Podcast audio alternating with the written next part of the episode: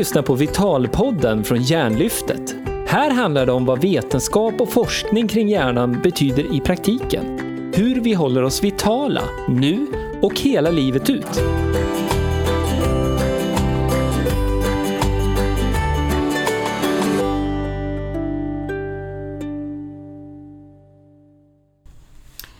Välkommen till det första avsnittet av Vitalpodden och ett ännu bättre liv. Hur då? Bättre liv tänker du kanske? Vitalpodden, ja det är Hjärnlyftets nya kanal för att sprida kunskap om hjärnans långa liv och ge tips och inspiration för hur du kan få ett långt och vitalt liv. Allt fler blir ju 100 år och alla vill leva länge. Men inte bara leva, vi vill ju leva livet på ett meningsfullt sätt och ett vitalt sätt, eller hur? Det är därför Hjärnlyftet har startat Vitalpodden. Vill du nå en livslång hjärnhälsa och vitalitet?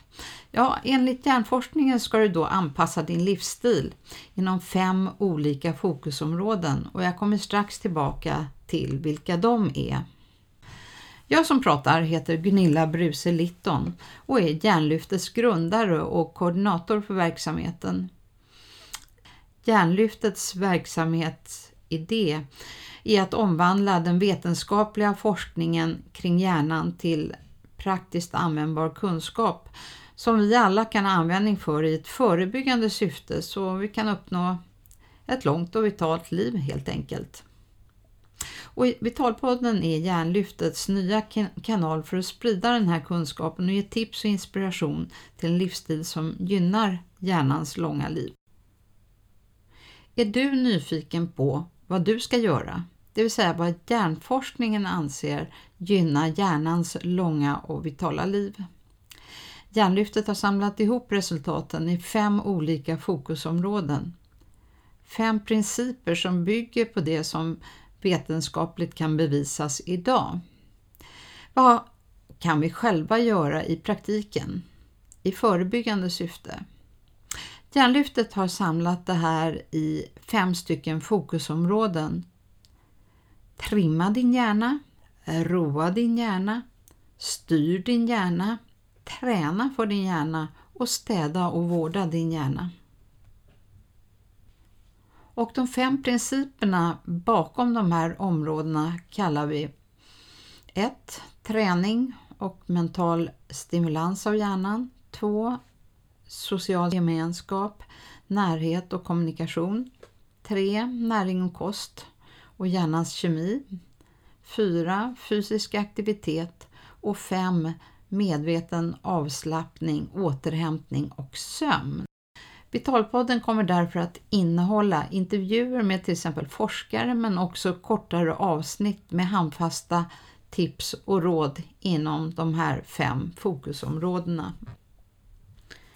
Vitalpoddens inledande avsnitt kallar vi Hur allt började och det handlar om själva förutsättningen för att man kommit så långt inom hjärnforskningen idag hur den så kallade imaging-tekniken med sina färgglada bilder av hjärnans inre startade och sedan utvecklades till det kanske främsta hjälpmedlet för hjärnforskarna idag och framöver.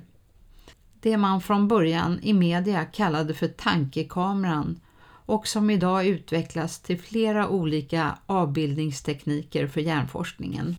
Så lyssna nu till hur allt började. Välkommen Jan-Erik Litton, professor på Karolinska institutet.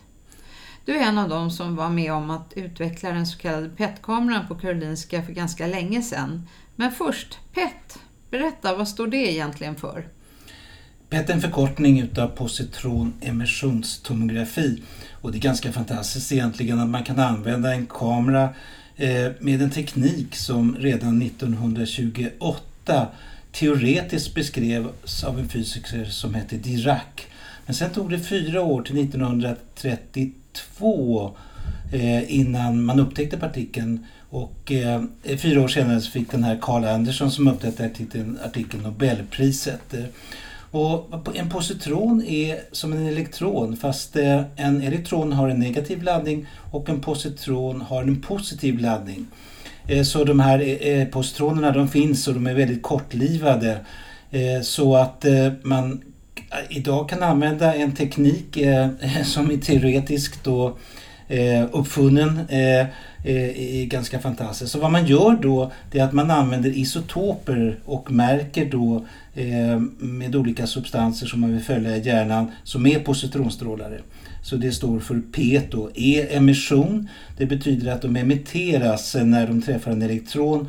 Och I det här fallet är det väldigt speciellt. En positron träffar en elektron och så sticker då gammastrålning iväg eh, varandra, från varandra 180 grader. Och det är det man detekterar och det här kommer T in tomografi. Man gör alltså en bild utav de här projektionerna. Så i korthet, det är vad PET står för.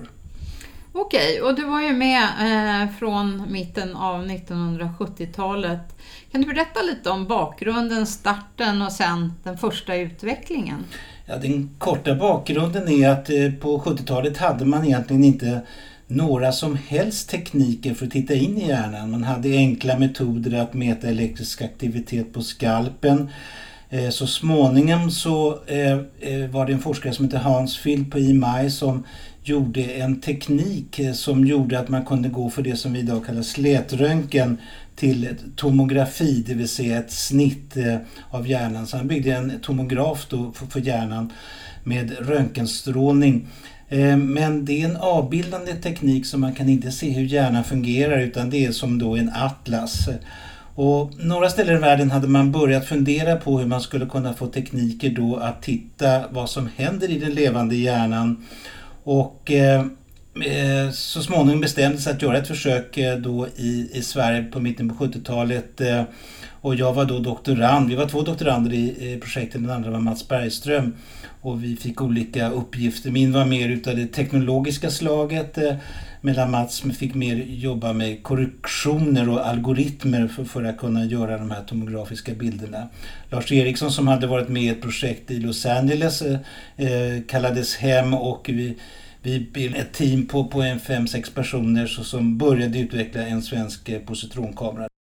Berätta lite grann om eh, hur allt började då eh, på Karolinska, lite grann kring ja, hur ni jobbade och så. På den tiden så var ju Karolinska sjukhuset och Karolinska institutet både statligt ägda eh, så att klinisk forskning var ju någonting helt annat på den tiden. Så Eh, min handledare, eh, professor Lennart Widén, eh, var ju också överläkare på Karolinska sjukhuset. Så att det här gick ju hand i hand då att utveckla det här för, för, för klinisk forskning då när vi började så kunde vi nog aldrig ana hur stort det här projektet skulle bli. Men vi gjorde allting för hand själva. Vi tog 95 detektorer, vi lödde ihop dem, vi byggde elektroniken. Eh, men eh, där tog pengarna lite grann slut så vi fick aldrig en dator eh, som man verkligen behöver för att kunna göra de här tomografiska bilderna. Så att när vi tog vår första bild på en levande hjärna 1977 strax före Lucia Eh, och då hade vi tagit en positronstrålande isotop som heter gallium-68 och löst ett ämne som heter EDTA. Som man då kan visa, eller vår tanke var att visa att en hjärntumör hade en trasig blod-hjärnbarriär. Eh, så att eh, vi eh, tog då en patient från neurologiska kliniken och eh, eh, tog ut då alla de här projektionerna som man fick av gammastrålningen på papperstejp. Eh, de här som man stansar, det ser ut som den här morse. Och hela rummet var fyllt utav dessa eh, pappersremser. Vi tog eh, pappersremsorna till Stockholms datacentral, gjorde om dem till magnettejp och fyra dagar senare så, så skrev vi om programmet då så det skulle passa till den första datatomografen som Karolinska sjukhuset hade köpt in så att vi kunde titta på det som en bild. Och då såg vi då att eh, tumören hade en trasig eh, blod-hjärnbarriär då som vi hade förutspått. Och det gav startskottet då för att kunna söka och få mer pengar.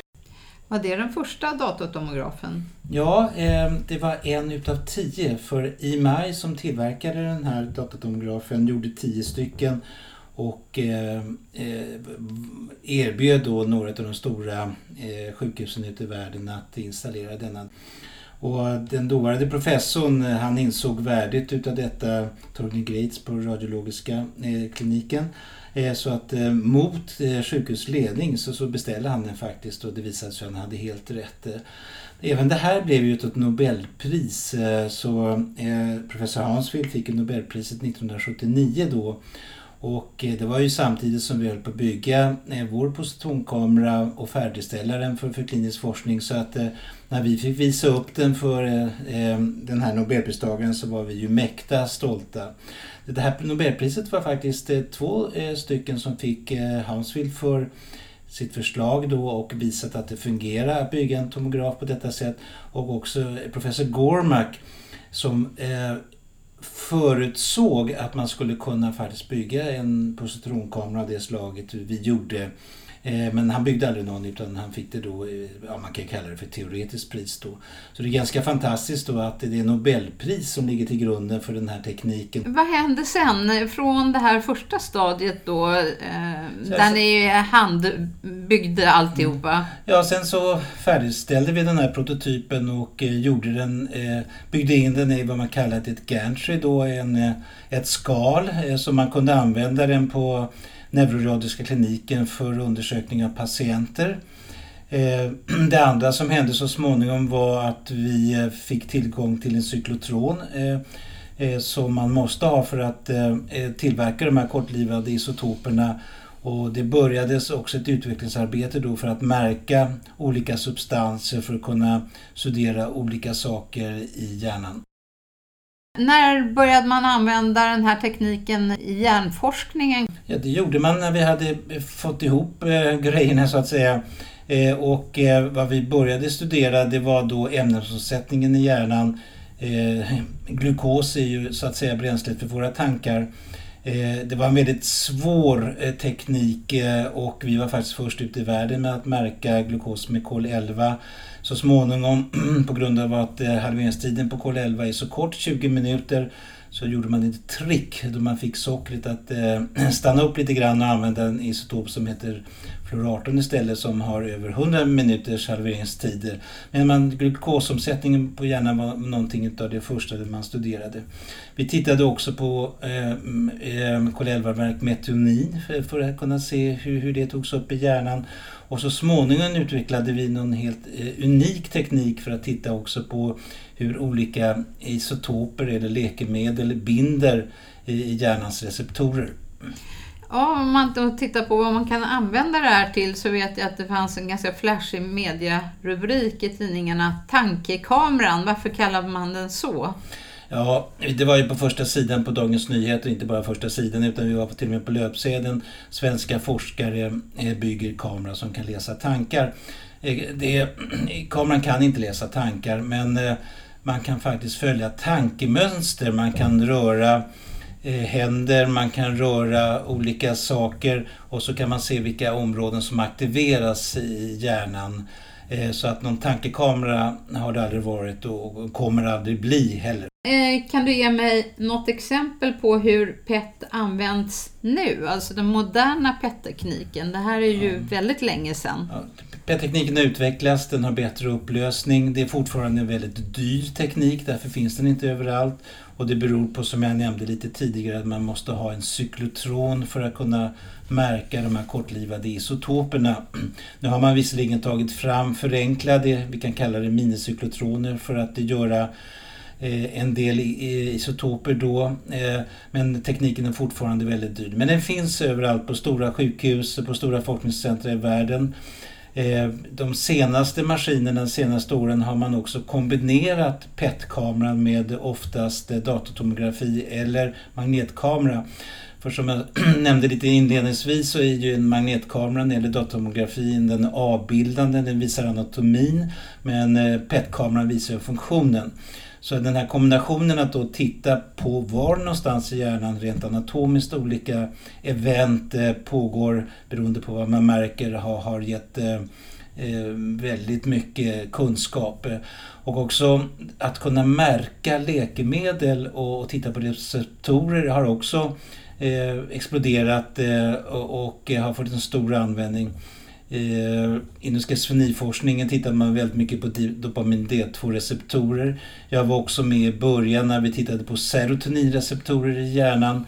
Och nu börjar man ta fram fler och fler biomarkörer som kan användas i hjärnan för att eh, spåra sjukdom.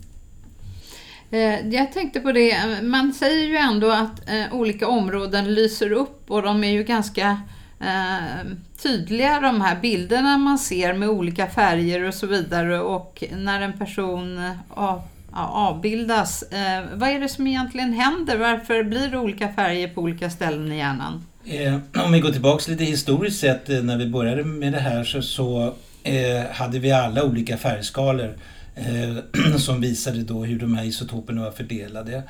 Eh, man ville ju ha en färgskala där det var då mycket upptag i isotopen, det vill säga mycket bindning, till exempel receptorer, så skulle det visas i färgskalan. Medan om det då var ett lågt upptag så skulle det då ha någon färgskala som visade då att det var ett lågt upptag. Och vi forskare som höll på med det här på 70-talet, vi skapade våra egna färgskalor eh, på det sättet vi tyckte var skoj. Men det gjorde bilderna helt omöjliga att jämföra för att man fick sådana olika sinnesuttryck. Men så småningom så, så enades eh, vi och andra hur en sån här färgskala skulle se ut. Och, och i korthet så är det som regnbågen då vi valde så att är det låg aktivitet i hjärnan så är det blått eller lila. Är det hög aktivitet så går det mot gult och rött. Eh, så det är bara ett sätt att märka då aktivitetsgraden i, i positronkamerabilden. Okej. Eh, och nu och framåt, eh, hur tror man att eh, den här tekniken och dess efterföljare eller det man kombinerar det med kommer att användas? Ja, det kommer fortsätta utvecklas så här men det kan inte bli en billig teknik någonsin. Dels är de här kristallerna man använder för att detektera gammastrålning är väldigt dyrt så att det kommer fortfarande Eh, vara eh, eh, de stora sjukhusen, de stora forskningscentren alltså, som kommer att använda den här tekniken. Och eh, den används ju helt klart även om den är dyr i, i kliniskt syfte. Hur är det med eh, kunskapen kring förebyggande åtgärder? Jag tänker på de som lyssnar på Vitalpodden kanske undrar hur man kan använda eh, kunskapen som man får via de här avbildningsteknikerna mera eh, för att undvika olika saker eh, och alltså användas i förebyggande syfte. PET-kameran används i, för det mesta för att eh, hitta sjukdom eller någonting som inte är som det ska i hjärnan. Men under många år så har man också använt den för att studera den friska hjärnan och titta på olika funktioner och gett olika stimuli. Eh, så att eh, eh, den, den, har varit oerhört viktig för att förstå hur, hur den friska hjärnan fungerar. Men det, den används inte i något preventivt syfte eh, idag. För, för återigen, tekniken är dyr. Och dessutom är det ju så att man sprutar in en isotop i kroppen för att följa de här ämnena. Och för det behöver man ett, både ett etiskt tillstånd eh, och eh, och det gör ju också då att det måste finnas en väldigt tydlig indikation på någonting för att göra den här typen av undersökning. Jag förstår. Eh, och slutligen då, eh, du jobbar ju inte aktivt med positronkameran eller avbildningsteknikerna nu utan eh, samordnar biobanker över Europa. Är det något för hjärnforskningen? Ja, biobanker är ju jätteviktigt. Det är egentligen det hjälper det biologiska provet som vi vet så mycket som vi kan förebygga sjukdom eh, som vi kan hitta nya läkemedel och här är ju prevention en otroligt viktig del utav den forskningen. Eh, men även om jag så att säga inte praktiskt jobbar med avbildande tekniker så har just eh, biobanker, det vill säga de som samlar biologiska prov, det kan vara blod, vävnad, Eh, eh, nu tillsammans med olika avbildade tekniker med magnetkamera, med eh, Eh, tomografi stor betydelse och kommer också ha det för framtiden. Därför att det biologiska provet kan ju ge massor med information om eh, vårt eh, DNA, vår kosmetiska makeup eh, av eh, byggstenarna.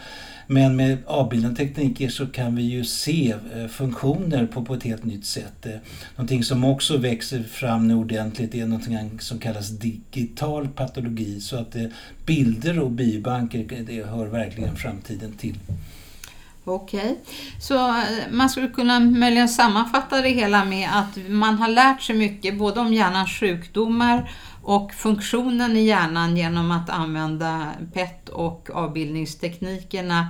Och nu eh, så kan man också integrera det hela med eh, till exempel eh, prover från biobanker och på så sätt hjälpa forskningen och specifikt här då hjärnforskningen framöver. Ja, absolut och Eh, Eh, och många av hjärnans sjukdomar är ju också väldigt unika. Vi pratar ju om vad vi kallar ovanliga sjukdomar, rare diseases. Eh, vi har 30 miljoner människor i Europa som har olika eh, ovanliga sjukdomar. Många utav dem är faktiskt hjärnsjukdomar.